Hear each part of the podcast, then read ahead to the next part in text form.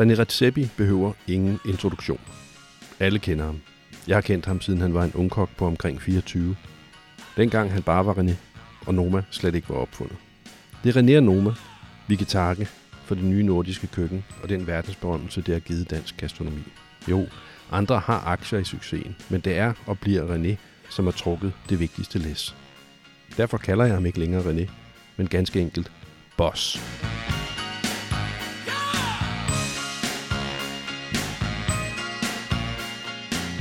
Vi mødes for at tale om den nye fermenteringsbog, men snakken glider hurtigt i en anden retning, så i dette podcast kan du blandt andet høre, hvad det er, som optager ham mest, nu hvor verdensberømmelsen for længst er blevet hverdag. Det er ikke længere berømmelse, René hungrer efter. Nej, det som synes at optage ham mest, er, hvordan Noma bliver et bedre sted at være for medarbejderne. Hans mål er, at Nomas omkring 80 medarbejdere skal have mindre travlt, altså arbejde mindre, men samtidig tjene flere penge. Selv har han mere travlt end nogensinde før, men det har han vendet sig til. Nej, men sådan er reglerne faktisk. Det har jeg lært. Det er jo mere succes, jo mere arbejde. Ja. Og måske kommer der et tidspunkt, hvor det så, hvis man, eller måske det er et valg, mm. at man siger, nej, nu, nu, uh, nu holder vi det her. Ja. Nu holder vi den, hvor vi er. Og så kan det være, at det føles uh, med tiden som mindre arbejde. Men ja. altså, hvis man tænker på, at på Noma for 16 år siden, da vi startede, og man er 7-8 mand i hele restauranten. Mm, mm, mm. og jeg satte mig ned om, om, uh, om aftenen og tjekkede reservationer på e-mail, og svarede på alle e-mails selv i øvrigt også. Ja. Og tog ofte telefonen selv, mm. uh, og skrev vagtplaner, og altså, man gjorde jo alt.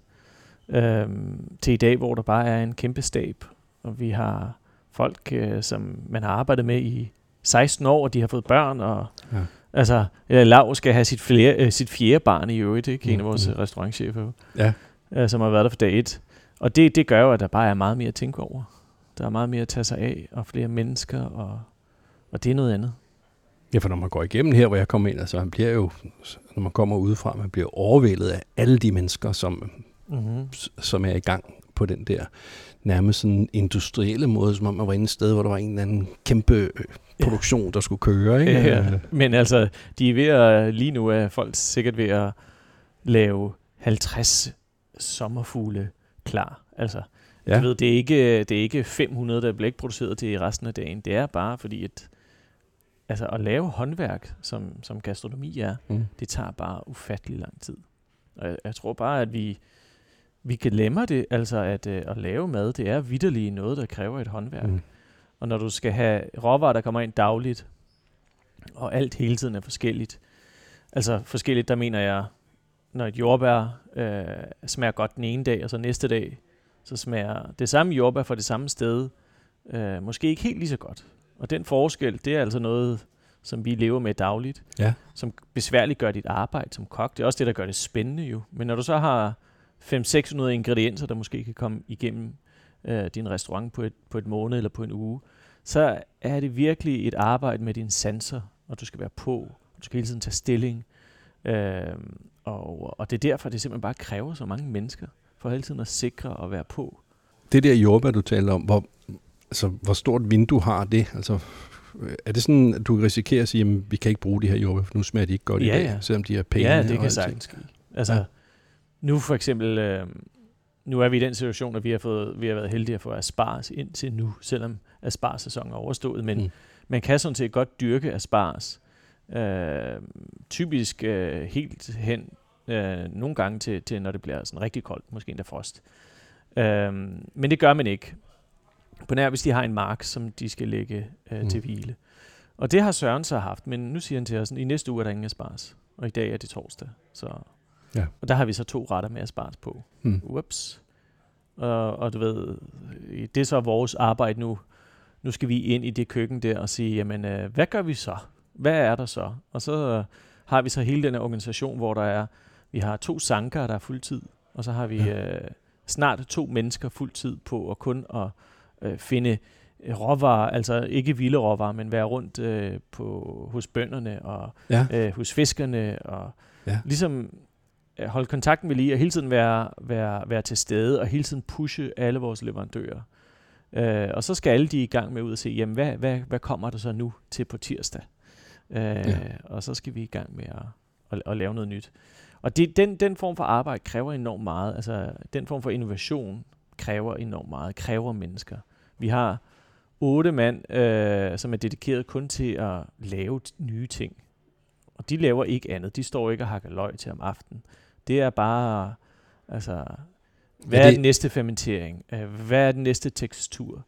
Uh, hvordan skal det næste knækbrød se ud? Ja. Og så videre, og så videre. Og det er testkitchen, vi taler om der, Det er ikke? testkøkkenet, ja. og så er det også fermenteringskøkkenet. Ja.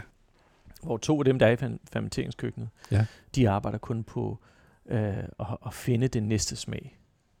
Og lave den næste smag, vil jeg faktisk hellere sige. Ja. Fordi der, der laver de jo smag. Ja. Altså de, man tager en ingrediens, og så tilsætter man en eller anden form for kultur til den, eller et eller andet, eller en eller anden ny maskine, der ligesom kan øh, udtrække en eller anden form for meget specifik smag, vi beslutter os for at trække ud af, lad os sige, gulerødder. Øhm, og så skal man finde ud af, hvordan høster man den, hvordan finder man ud af det, og det er mm. deres opgave. Og så lige pludselig så har man så en smag, en ny smag, man kan arbejde med. Og så rører de derfra ind i testkøkkenet, hvor at dem, der står der, det er nærmest sådan nogle slags øh, alkymister, der står og blander alle de her smage sammen, for at finde ud af, jamen hvad giver en effekt, mm-hmm. når øh, den rigtige mængde af de forskellige smage kommer sammen. Hvordan får man så en eller anden form for overraskende effekt, men også en effekt af bare total velsmag. Det lyder som noget, man kunne skrive tykke bøger om. Ja, men altså, det er jo, en, det, det er jo, øh, det er jo innovation, og det er jo, hvordan øh, arbejder man kreativt, hvordan mm. bruger man sig selv, hvordan bruger man hinanden, hvordan øh, finder man ud af at tænke anderledes, og hvordan, øh, hvad for nogle strukturer, hvad for nogle øh, øh, teknikker skal man, have, skal man iværksætte for at iværksætte det. Ja. Og det skal man altså. Innovation er ufattelig organiseret, selvom det også skal være fuldstændig skørt og frit. Mm-hmm øh, så skal der være en eller anden form for, for, øh, for struktur og, øh, og øh, system i det. Og når, når du finder ud af det, og du hele tiden også kan finde ud af at skabe nye systemer, eller øh, ret, rette i systemerne, øh, så kan man blive ved.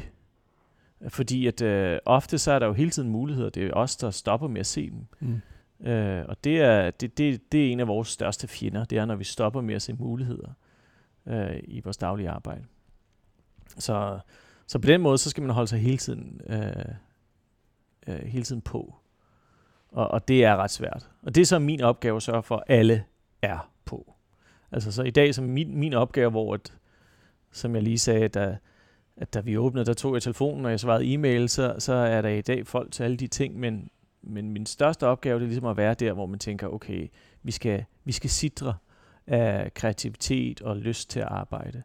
Øh, og det skal være min opgave at kunne se de sammenhænge, øh, der er øh, i vores virksomhed, øh, der sikrer det. Og den virksomhed, du taler om, vi sidder jo i Noma her i, i det her meget smukke private, private dining room. Ja, det er et lille selskabslokale, der kan sidde op til 20. Du taler lidt mere dansk, end du gjorde før i tiden. Ja. Der var det mere test kitchen og dining room. Nu var det, det er selskabslokale, okay, ja. Ja, altså øh, pff, selskabslokale, kaffestue, hmm. PDR, private dining room. Ja. Øh, altså, det er et rum, hvor uh, vi kan have større grupper, op til 20 på en gang. Og faktisk i dag, så er det blevet mere et, uh, et, uh, et uh, hvad hedder sådan noget, et, uh, nu kommer jeg til at bruge det engelske ord, et shared table, mm. altså et delebord, ja. uh, hvor man uh, sidder uh, par øh, og deler en oplevelse sammen med alle mulige hvor, andre. Hvor tit har I åbent for det?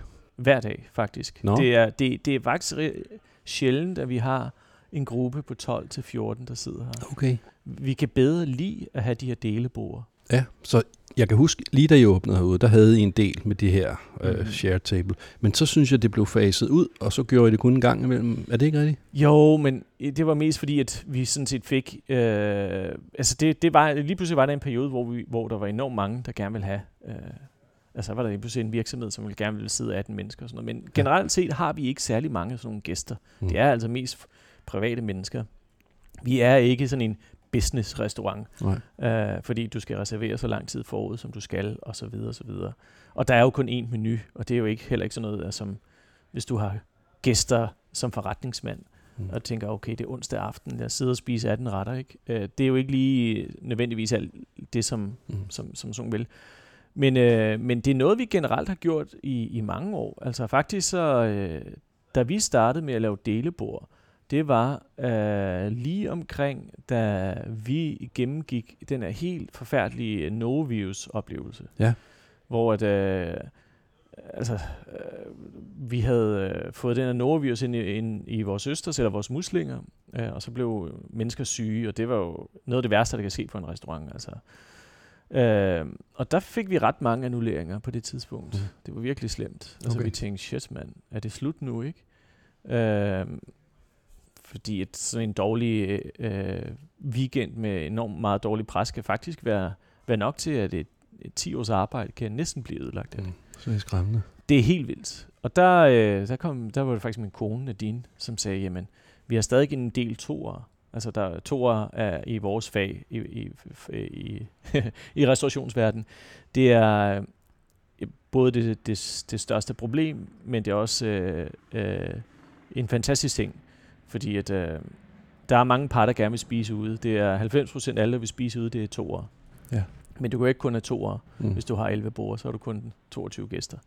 Øhm, og så sagde hun, jamen hvorfor får vi bare ikke folk til at sidde sammen? Og dele ja. bordene.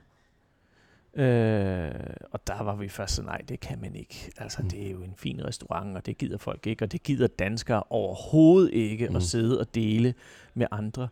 Men vi var faktisk tvunget ind i det, fordi vi havde så mange store borer. Altså også i restauranten, borer til 6, borer til 4, borer til 8. Og det var nogen, der havde et ansvar eller noget, at de så ikke turde løbe an med det, eller hvad? Ja, ja, og så øh, var det bare dårligt presse, og så siger ja. folk, at øh, det, vi vil gerne annullere vores bord til 8. Og ja. i, I hvert fald 6 måneder, så tog vi telefonen, og så var det øh, annulleringer mere, end det var bookninger. Okay. Øh, nedtur. Ja, det var en meget, meget, meget, meget hård periode. Og ja. meget uretfærdig periode også. Hvilket mm. sådan en periode typisk er. Mm. Altså, det er sjældent, det, det er en retfærdig periode. Ikke? Men, men vi kom igennem det, og, og det gjorde os faktisk stærkere, synes jeg. Og så fandt vi ud af, at folk virkelig godt kan lide at sidde sammen. Altså, ja. Og selv, øh, selv os danskere øh, synes faktisk, det er okay lige så snart, at man sidder ned og har fået det første glas vin, mm. og du sidder med 6-8 andre, som du ikke rigtig kender, og lige pludselig, så sker der bare noget ved bordet. Og jeg vil sige, altså, generelt set, selvfølgelig er der nogle gange, det er sjældent, at det ikke fungerer. Men, øh, men ellers så for mange mennesker, så er det en større oplevelse at sidde pludselig med nogen, man ikke kender, og, mm. og så spise et måltid mad sammen. Så det gør vi meget af nu.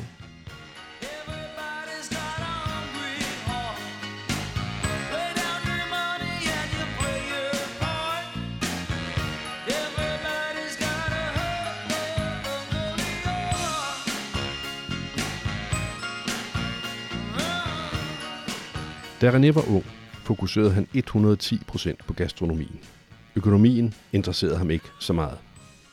Jeg oplevede et stærkt modsætningsforhold mellem ham og medgrundlæggeren Claus Meier. Meier var forretningsmanden, Ratsebi den gastronomiske kunstner, som skulle male kornet til mel og slide med at bage hele kagen, så man kun fik et lille stykke af. Dengang var han modstander af, at Noma skulle kommercialiseres. I dag har han udviklet Noma til en koncern, som ejer adskillige restauranter, blandt andet en i Japan og endda et bageri. Og nu er det jo et René, som får den største del af kagen, eftersom han for nylig købte Nomas amerikanske investor ud. Det med virksomheden, mm-hmm. der er Noma, men der er jo en masse andet. Du er jo faktisk sådan nærmest en stor restauratør i dag. Mm-hmm. Du har, I har 108, mm-hmm. Bar, mm-hmm. Sanchez, mm-hmm. Hart, mm-hmm. Bruns Gadekøkken. Mm-hmm. Er der mere? Jo, så er der Japan, ikke? Og så er der Japan, ja. Ja. Mm-hmm. Der er mange ting. Jamen, øh, altså, det er der jo, og det, det er rigtigt nok. Øh, men øh, jeg vil sige, at øh, den måde, som vi har valgt at strukturere vores øh, virksomhed på, som jeg har valgt, øh, at det skal give mening for mig, det er, at øh, vi er klar over, at vi bliver nødt til at vokse. Mm-hmm. Øh, vi er klar over, at, øh, at virksomheden også kommer til at vokse fremover. Det er ikke slut. Øh, hvordan gør vi så det? Fordi at jeg har sådan set ikke lyst til at lave andet end det, jeg gør. øh, jeg kan virkelig godt lide at bare være til stede her og stadig pushe. Mm. Og øh, jeg vil ikke være en, øh, en, øh, en, hvad skal man sige, en virksomhedsleder, der sidder på et kontor og så sørge for, at køkkenprocenterne er i orden på alle de steder, man nu er en del af. Så vi har valgt at gøre det øh, på en helt anden måde, og fokusere på, på mennesker og på mm. talent. Mm. Så øh, hvis der er nogen, der har en eller anden form for god idé, øh, eller hvis vi har en god idé, og vi tænker, okay, vi har fået, vi har fået mulighed i et lokale. Mm. det kunne være det gamle Noma-lokale, ikke, hvor vi fik en mulighed til at beholde, for at beholde det. Eller vi, vi, vi var faktisk tvunget til at beholde øh, men, øh, men så tænker man, jamen, hvad, hvad giver mening der nu i det her nye område af København, hvor der lige pludselig er 30.000 mennesker på en øh, god sommerdag? Ikke? Mm. Øh, hvad, hvad, skal, hvad skal der være der? Og, øh, og der var det så heldigt, at Thorsten uh, Smidt og jeg, vi havde i mange år gået og talt om en type restaurant, vi synes, der manglede. Uh, og, uh, og så spørger man så Thorsten, og så siger man, Thorsten, har du lyst til at være en del af det her? Uh, vi er medejere af det, men det er altså dit projekt, og det er dig, der styrer det. Og du kan ikke forvente, at hvis restaurantchefen pludselig siger op, at, uh, at du bare kan ringe ud til os, og så finder vi en til dig, fordi vi har faktisk vores mm. organisation. Mm. Men vi deler en form for, øh, øh, hvad kan man sige, øh, organisatorisk struktur. Altså, det, vi har et fælles sted, hvor regningen bliver betalt, mm. Der er ligesom styr på hele den der pakke der, ikke? hvor ja. der er et, et fælles sted, hvor det hele sker. Så på den måde er der en form for, hvad kan man sige, en mini-stordrift-fordel. Men, øh, men øh, det vil aldrig være sådan, at, øh, at hvis vi synes, at vores bær smager ekstra godt, at øh, så skal de også bruge dem på hard bageri. Eller det kunne aldrig være sådan, at fordi vi er en del af hard bageri, at så skal alle bruge hard bageris brød. Altså overhovedet ikke. Det er fuldstændig op til Torsten selv, fordi det er hans øh, stedbar, og det er fuldstændig op til Christian Baumann selv, fordi 108, det er hans sted. Altså, jeg går ikke derind nogensinde og siger noget. Altså, vi er, vi er mere, vil jeg sige, silent partners, end vi faktisk er partners i de projekter. Hvordan hænger økonomien øh, sammen i det? For det må være dyrt at gå ud og lave det. Jeg har hørt nogle ting om, at Hart Pæri kostede 10 millioner at bygge om. Der går mange historier. Ja, ja. Øh, ej, det var ikke helt så slemt, men, øh, men det, er, det, det var ret dyrt at bygge om, men mest også fordi man selvfølgelig købte andelen øh, på Hartberg. Ja. Øh, men øh, der, øh, altså den måde, vi har gjort det på, det er ved, ved at simpelthen at... Lige præcis med Hartberg, der har vi belånt mit hus. Nå. Ja. Okay, det var da friskt. Ja, men altså, sådan blev det jo nødt til at blive, ikke? Og så ja. øh, samtidig med det, så øh, har vi lånt penge i banken. Ja. Og det er en okay. svær ting at gøre i dag, mm. øh, når man skal åbne steder, ikke?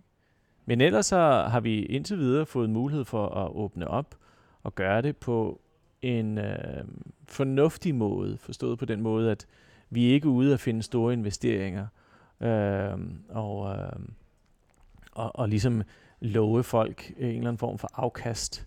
Øh, det er vi slet ikke ude i. Okay. Der er vi slet ikke, øh, Så I tager ikke fremmede investorer Nej, det har vi slet ikke været ude i endnu, og det, det vil jeg helst undgå så vidt muligt, øh, fordi at øh, vi vil gerne have jeg vil gerne have, at alle folk ligesom har deres egen kreative frihed, og ikke øh, skal, skal, skal, skal ligesom være nervøse for, at man nu når en eller anden form for kæmpe afkast øh, i de første 3, 4, 5 år, hvilket vil være for næsten alle typer restauranter og bagerier og mm. brasserier.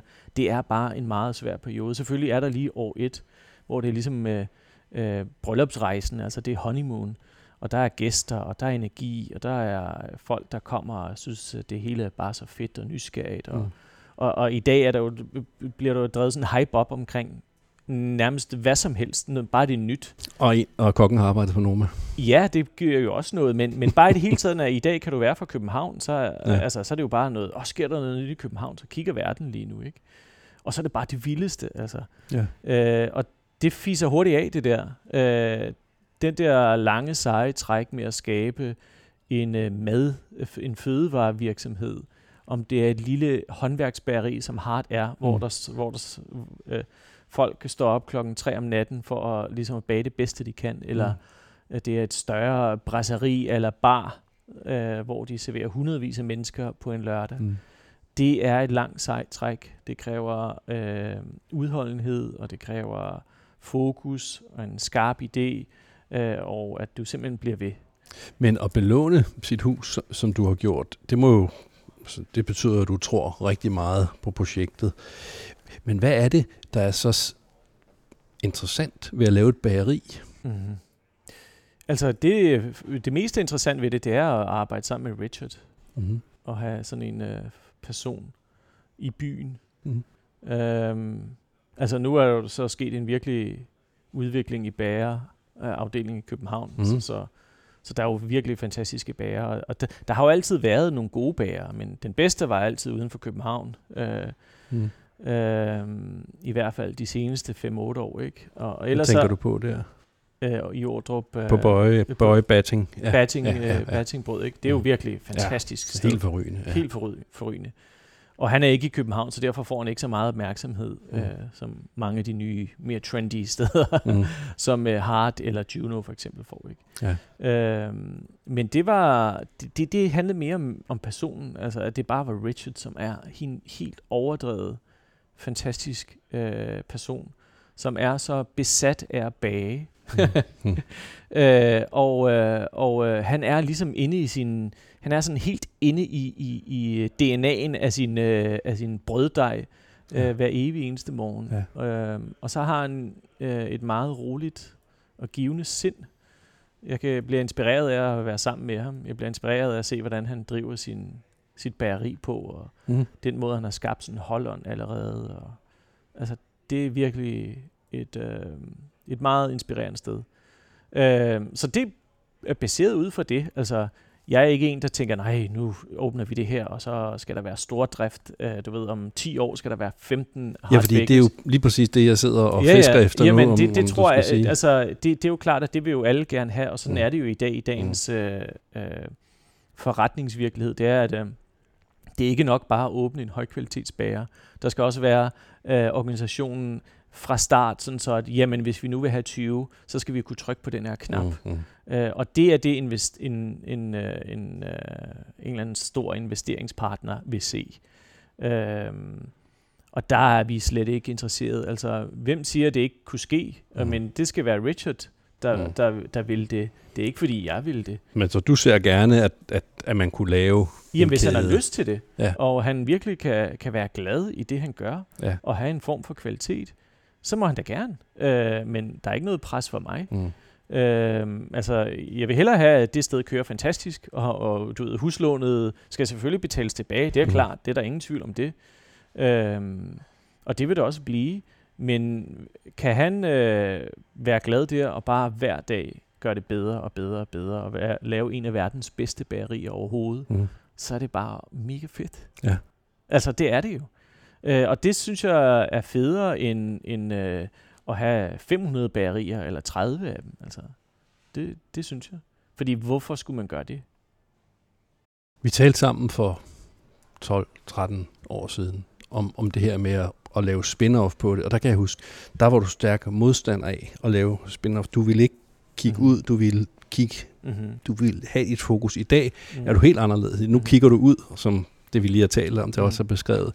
Ser du selv udviklingen? Ser du selv, at du er et andet sted? Øh, mm. eller, ja, eller helt klart. Altså, øh, jeg vil sige, at jeg synes stadig, jeg har det samme drive øh, for Noma. Mm. Altså, jeg vil det her sted her. Jeg vil pushe for det her sted. Jeg vil gerne stadigvæk trække øh, staben frem. Vi skal være de bedste.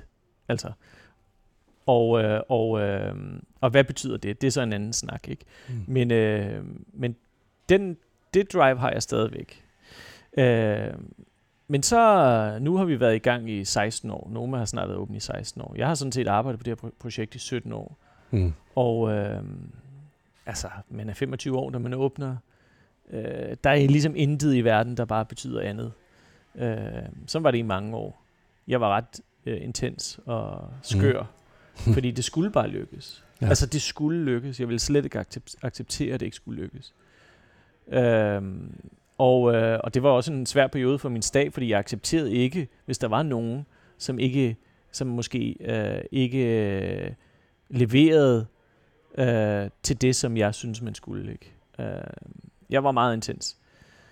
Der har vi en anden organisation i dag, og en anden struktur, og det, der så også er sket, det er jo, at vi har fundet ud af, at øh, jamen, øh, altså, vi, vi skal til at vokse op, og mm. vi har fået børn. Og ja, for du er jo 40. Jeg er 42 snart. 42. 42, ja, jeg har tre så... børn, og, og, øh, Øh, James har tre børn, Lav skal have sit fjerde barn, ja. og flere og flere har fået sådan noget. Ikke? Altså, vi begynder at være en, en, en, en organisation, der bare også virkelig skal mm. dybt tænke på, vores, øh, på de mennesker, vi har omkring os.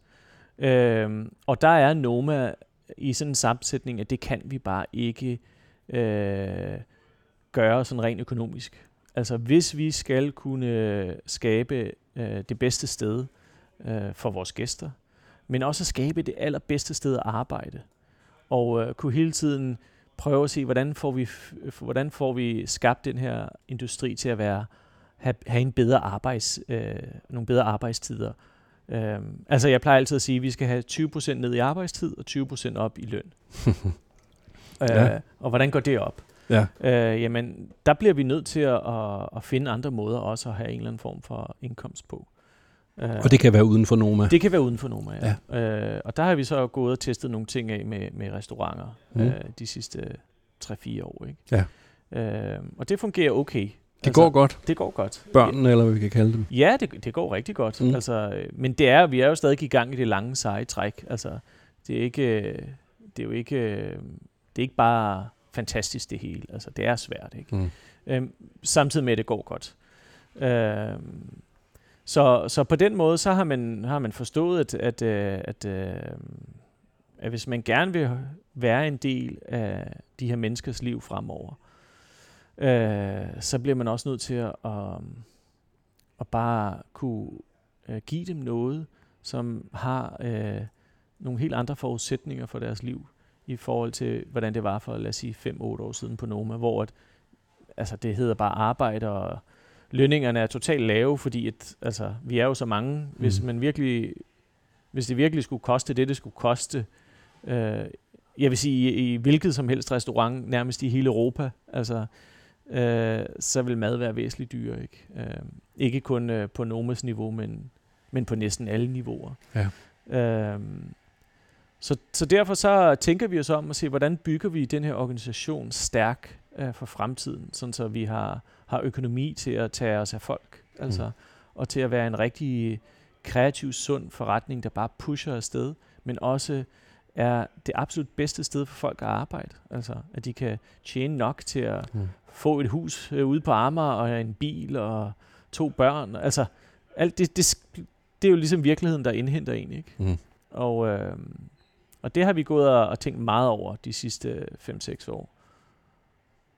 Du sagde det på det tidspunkt, 10 år giver jeg, mm-hmm. giver jeg Noma, og så kørte du videre, fordi du har holdt energien derop, hvor du mm. troede på det tidspunkt, at du ikke kunne blive ved med at have den energi. Mm.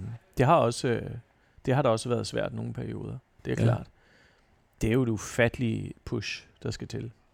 Og, øh, og der er perioder, hvor øh, jeg har haft det enormt svært i, i at ligesom bare skulle pushe frem. Og det, altså, når ens far lige pludselig dør, ikke, så, har man, mm. så har man jo bare lyst til, at kan vi ikke bare tage et år, hvor man ligesom... Øh, kan vi ikke bare sætte alle de gamle retter på menuen, og, og så kører vi lige på autopilot. Men det er en meget høj autopilot. altså, det er ikke fordi, at, øh, at det på nogen måde ville være dårligt, men alligevel så, så kunne jeg ikke få mig selv til det. Men, men der er altså perioder, hvor det bliver ekstra svært. Ikke? Øhm, og det skal jo hele tiden være drevet af lyst. Altså, det skal det jo. At man faktisk øh, kan se fremgang, og man kan se, at staten også virkelig elsker det.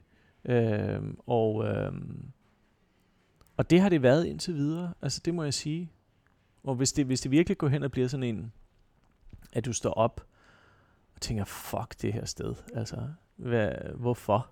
Mm. Øhm, så, så, øh, så må det så også øh, ændre sig og blive noget andet. Og, og øh, og, øh, og spørgsmålet er, om man kan se, om man, om man ligesom, om man, øh, om i mellemtiden, mellem, mens, indtil det sker, om det er blevet sådan en slags øh, kliché at gå på, gå på restauranten, og du ved, mm. det der ligesom sker på de næsten de fleste steder, ikke, øh, når man kigger rundt omkring. Efter en vis mængde tid, så, så kreativiteten den blomstrer, og så opnår de ligesom alt, og så har man en, en, nogen en ret lang periode, hvor at man kan, virkelig drive uh, sin, uh, sin restaurant på sådan en fantastisk niveau med god energi, og så, så på et eller andet tidspunkt, så, så, så, så sker der noget. Og der, det vil vi jo helst ikke have, skal ske. Som El Bui for eksempel. Jamen, jeg vil sige, at Bulli, altså, han, han lukkede jo før det lidt skete, vil jeg Mhm. sige. Altså, det Men han så det komme. er helt klart. Ja. Han var, han var smart, og han vidste godt, at øh, lige om lidt, så er der bare en anden tid. Og, øh, og, øh, og hvis jeg skal være en del af det, så vil det kræve en anden form for organisering. Ja. Øh, og så, så er det bedre ligesom at lukke nu, hvor jeg er på toppen, og så finde ud af, hvad skal jeg så lave. Der har du altid mindet mig lidt om, om Napoleon Bonaparte, øhm, da han havde tabt, og det hele var ligesom slut, og han var blevet sat ud på Elba, eller hvor pokker det var, han var. Mm-hmm. Så gik han sagde, nej, det har jeg ikke, jeg kommer tilbage. Og så samler han sine tropper, han sejler over til Marseille, og så begynder han at samle tropper, og så marcherer han op mod Paris, og så samler han og så gør han det en gang til. Ja, Det ja. lyder måske lidt ståladen, men jeg kan jo ikke lade være med at tænke på listen på World's 50 Best, Aha, hvor, som jo ja, gjorde den kæmpe forskel ikke på, helt øh, alt blev stort. Og så den her glide ned af listen, hvor du så siger, husker jeg, øh, vi talte sammen over i London, så siger du, jamen vores tid på den her liste, den er ved at være forbi. Men så tager du dig selv i det og siger, men jeg tror alligevel, at vi kommer tilbage og gør det igen. Mm. Og det var før du havde sagt noget om Japan eller noget. Ja, Du var ja. meget hemmelighedsfuld. Det var bare, Ja. har en plan. Øhm, og så var det jo så, I røg op igen, ja. så lukkede I ned, og så blev I fandme nummer to den her gang. Ja. Jeg havde jo troet, jeg havde jo troet, det var en førsteplads. Øh, Nå, det, okay. det, ja, det havde jeg. Men det havde folk sagt, det fatter jeg overhovedet ikke. Altså, I skal tænke på, at når, når man har været væk i tre år, Mm. det er altså i, i, uh, i den der hype-presseverden, det er ligesom hundeår. Det er ligesom at være væk i 21 år. altså, jamen det er det. Ja. Når folk i 3-4 år ikke har spist på din restaurant, og altså, vi kan jo ikke have alle ind og spise allerede Mm. øh, på de første 8-9 måneder. Øh, jeg, øh, jeg var virkelig overrasket. Noma blev nummer to. Nummer et blev restaurant Mirsur, som ligger i Sydfrankrig ved grænsen til Italien, og er drevet af den argentinske kok Mauro Colagreco. Det er en skøn restaurant med en helt fantastisk beliggenhed direkte ud til Middelhavet, og maden er fremragende. Men det er og bliver en restaurant af den type, man er vant til at opleve i de høje lag med to eller tre Michelin-stjerner. Det er ikke, som Noma, et selvstændigt univers. På Mirasur får man ikke fornemmelsen af at besøge en eksotisk stamme, som man netop gør på Noma. Mirasur er en langt mere klassisk restaurantoplevelse. Men eftersom Noma har været ude af spillet, vi kan sige, at Noma har været flyttet til Elba, ligesom Napoleon var, så har andre som Mirasur haft lejlighed til at klatre i fred. René havde gættet, at Mirasur ville vinde. Men han havde ikke troet, at Noma blev nummer to. Så ville han nok have deltaget ved prisoverrækkelsen. Den var han blevet hjemmefra, med den forklaring, at det var den dag, hvor Nomas nye sæsonmenu blev introduceret. Havde vidst, vi var nummer to, så kan du godt være, at jeg måske havde sagt, jamen okay, jeg ved godt, det er på vores åbningsdag, at de har Mm. valgt at gøre det her, men skulle man være der? Ja. Øhm, men, øh, men jeg valgte så at blive til åbningsdagen, fordi jeg tænkte, ah, du ved, jeg vil hellere lige sikre mig åbningsdagen, og, og du Ja. ved, så, så i de følgende år kan det være, at vi kan, vi kan have den her form for fremgang. Mm. Øh, men at komme ind og ikke have været en del af noget af det her, den her verden i tre år, faktisk slet ikke deltaget rigtigt i noget som helst, altså, Mhm. fordi det er altså også en del af den verden i dag. Det, er, det er sådan lidt et mini... At du er ude og er med til... Man til, skal deltage ja, lidt, ja, og man ja. skal ligesom kende nogle af de her folk, og Ja. ja. sige goddag og sådan noget. Ikke? Okay. Altså, jeg aner simpelthen ikke, hvem det er længere. Og øh, altså, nogle gange, så vil folk vil sidde og spise, og så vil de sige, nå, men, øh, øh, ja, men jeg er også en del af det her 50 Best, vil de sige. Så, nå, okay. Altså, og det, det, det sidder det og drikker kaffe eller sådan noget. Ikke? Mm. Ikke at det gør noget, men øh, på den anden side, så ved man jo også godt, øh, at det gør noget. Altså hvis man går hen og siger goddag, og ligesom øh, bruger lidt ekstra tid. Ikke? Mm. Øhm, så, så fordi vi simpelthen ikke har vidst, hvem det er, jeg ved ikke engang, hvem der stemmer i vores egen øh, baghave her i Danmark, øhm, så tænker jeg, ah, det, øh, det, det kommer ikke, øh, det, det skal blive et langt sejt træk. Okay. Og det kan jo stadig godt være, at det gør det. Mm. Altså, Ja. det er jo ikke sikkert, at bare fordi man er nummer, nummer to, et, øh, nummer to øh, år et, at det ligesom, at man kan tage det sidste skridt. Det er jo ingen Nej, ting, der er ikke, garanteret. ikke, ikke bare fordi man er nummer to, men altså, når man, nu spiste jeg nede på øh, Mirasur sidste år, ikke? Åh. I sommeren, ikke? Og det var virkelig, det var, det var godt. Altså, det var, ja. Ja. det var jo virkelig godt, og, og man kunne se ting på tallerkenen, som tyder på, at I er gode venner. Mm, helt klart, øh, men han spiser han. hver sæson. Okay, ja, ja. Så, så jeg synes, det, det var fint. Men det, som, som den restaurant mangler, det er alt det, der er her, mm-hmm. uden om maden, som jo er en kæmpe del af det. Ikke? Mm. Og, og det var derfor, jeg tænkte, jamen det er nødt til at være Noma igen, mm. fordi der er ikke nogen, medmindre nogle restauranter, jeg ikke kender til, der er mm. ikke nogen, som er oppe i det gear og mm. kører på det der niveau. Nej, men der kan det så være, at det er jeg meget glad for, at du siger. Tak for det. Uh, mm. Det er faktisk første gang, jeg har hørt dig sige sådan noget, uh, Ole, selvom at du har spist her. Du er jo en af de mest stoneface mennesker, der, når du sidder og spiser. Uh, ikke er sådan står hele tiden og kigger på, når du tager en bid og sådan noget. Men, uh, men, uh, men altså, jeg tror, at, at, uh, at det er en fantastisk... De har jo ligesom været... Miyazu har jo været... De har jo været sådan klatret op ad det her bjerg ikke i, i, i flere år. Ja. Øh, og har, har kunne se toppen. Øh, og øh, og der, der har de bare det, den der presse-vibe, den der, øh, når man har gået og masseret måske 3-4 af de rigtige mennesker, mm. 10 af de rigtige mennesker mm. i løbet af 5-6 år. Altså, det, det er altså også en del af det. Ja. Øh, det er det sgu. Ja. Øh, og, øh, og der er uh, Mauro, han er simpelthen sådan en type, der er, det er en fantastisk restaurant. Han er fantastisk. Altså han er simpelthen, du kan ikke andet end elske ham, mm. når man er sammen med ham. Uh, og, uh, og så har han et stærkt hold, og det, ved, det, det er ligesom det, det der... Jeg havde hele tiden regnet med, at det var ham, men faktisk så vidste jeg, at det var ham. Og, og, men det er jo fordi, jeg kender de her tegn. Ja, fordi man har prøvet at vinde Ja, hvad, hvad er det for tegn? Åh, oh, men... Uh, Øh, altså, de, de afslører sig selv, når de sidder, og så lige pludselig så skal alle øh, fra det her 50 Best hold, så sidder de og spiser på Mirazur øh, to måneder før. Og, okay. og så annoncerer de, at nu skal de lave en, øh, en, øh, en øh, et sådan lille event i Paris. Øh, du ved, 50 Best Talks og sådan noget, ikke? Mm-hmm. Og, øh, og man ved, når man ved alt det polemik, der har været med Frankrig og den her liste, altså Frankrig hader jo den her liste generelt mm, set, fordi mm, de aldrig har vundet. Ja, ja. Øh, og, øh, og, øh, og de havde den sikkert indtil den dag, at der er en, en hvad skal man sige, en rigtig fransk person, der vinder den. Du kan altså, skal vinde. Øh, ja, eller sådan noget. Ma- Mauro, han er jo i Frankrig, men han er jo argentiner. Ja. Øh, så på den måde er det Frankrig, der og vinder. Han ligger jo lige på men kanten af Frankrig, ikke? Han er jo meget tæt ja. på Italien. Der er meget galt. Det er Frankrig, men alligevel ikke. Altså, mm. han er sgu en outsider i Frankrig. Det, han har gjort noget, der er helt overdrevet vildt. Mm. Det har han sgu. Øhm, og så når lige pludselig de annoncerer sådan 50 best talk, så siger man, okay, for mig, der er det... Øh, okay. Der, der har jeg... Altså, jeg kunne bare huske, hvordan det var, da vi øh, skulle til at vinde, og hvordan lige pludselig begyndte bare at sværme øh, ja. omkring øh, restauranten ikke? Ja. Af, af de her mennesker. Øh, så så jeg, jeg havde fortalt til folk, at øh, jeg er helt sikker på, at det er Maudo, der vinder. Og jeg har ligesom holdt min tale og sagt, jamen altså, nu, øh, nu gør vi det, vi gør, og bliver vi nummer 15, bliver vi nummer 15, bliver vi nummer 30, bliver vi nummer 30, bliver vi nummer 49, bliver vi nummer 49. Øh, og vi kan håbe måske på at blive i top 10. Og det var vidderligt min bedste øh, håb, og jeg troede ikke, at det ville være øh, sandsynligt.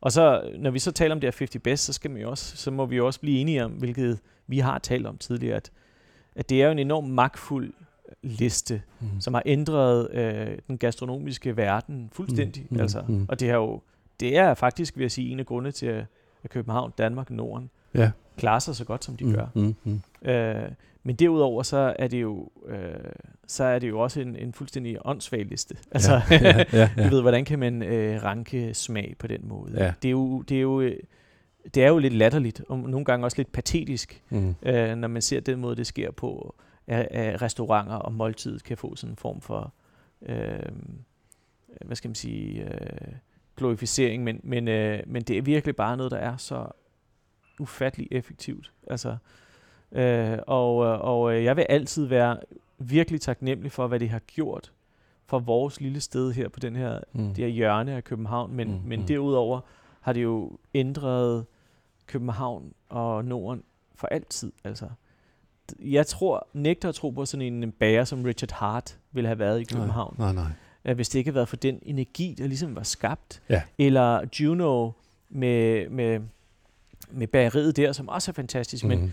det er jo en svensk kok, Emil. Øh, ville han have været i Danmark, øh, som 17-årig mm. for at banke på vores dør og arbejde nej, der nej, i fem nej, år, nej, nej, hvis det ikke havde været for alle de der...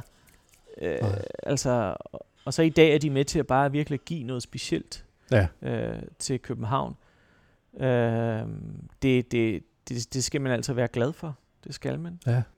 Jeg synes ikke, øh, jeg synes ikke der, der har været mange negative ting øh, for København omkring den her liste. Det synes jeg sgu ikke. Nej, men jeg kan jeg heller kan ikke, ikke se noget. Altså, jeg kan heller ikke se, hvad Der er hvad, flere hvad turister, er. folk ja. er glade, folk spiser ude, der er sådan ja. en energi. Ja. Øh, folk flytter hertil fra hele verden for at være en del af restaurationsbranchen. Mm. Det sker jo næsten på alle niveauer nu, fra bagerier til brasserier til gourmeter og til, du ved, øh, de vildeste steder. Altså, ja, ja. Det, det, det, det, det er sgu fedt at være en del af, mand. Men øh, vi, så er vi også lige nødt til at runde den der. Hvad synes du om den nye regel med, at man rykker ud, når man har været nummer et? Jamen, den er jeg ikke enig i. Hmm. Det har jeg også sagt til dem. Du, vil, du vil gerne deroppe og blive der nogle år? Jamen, jeg synes, at øh, hvis, det, hvis, hvis det skulle være, altså, det skal jo være en rep- repræsentation af, af, hvad der ligesom rører sig i, hmm. i momentet. Hmm. Og der er det nogle gange, hvor at det er mange år, der er noget, der rører sig fra det samme sted.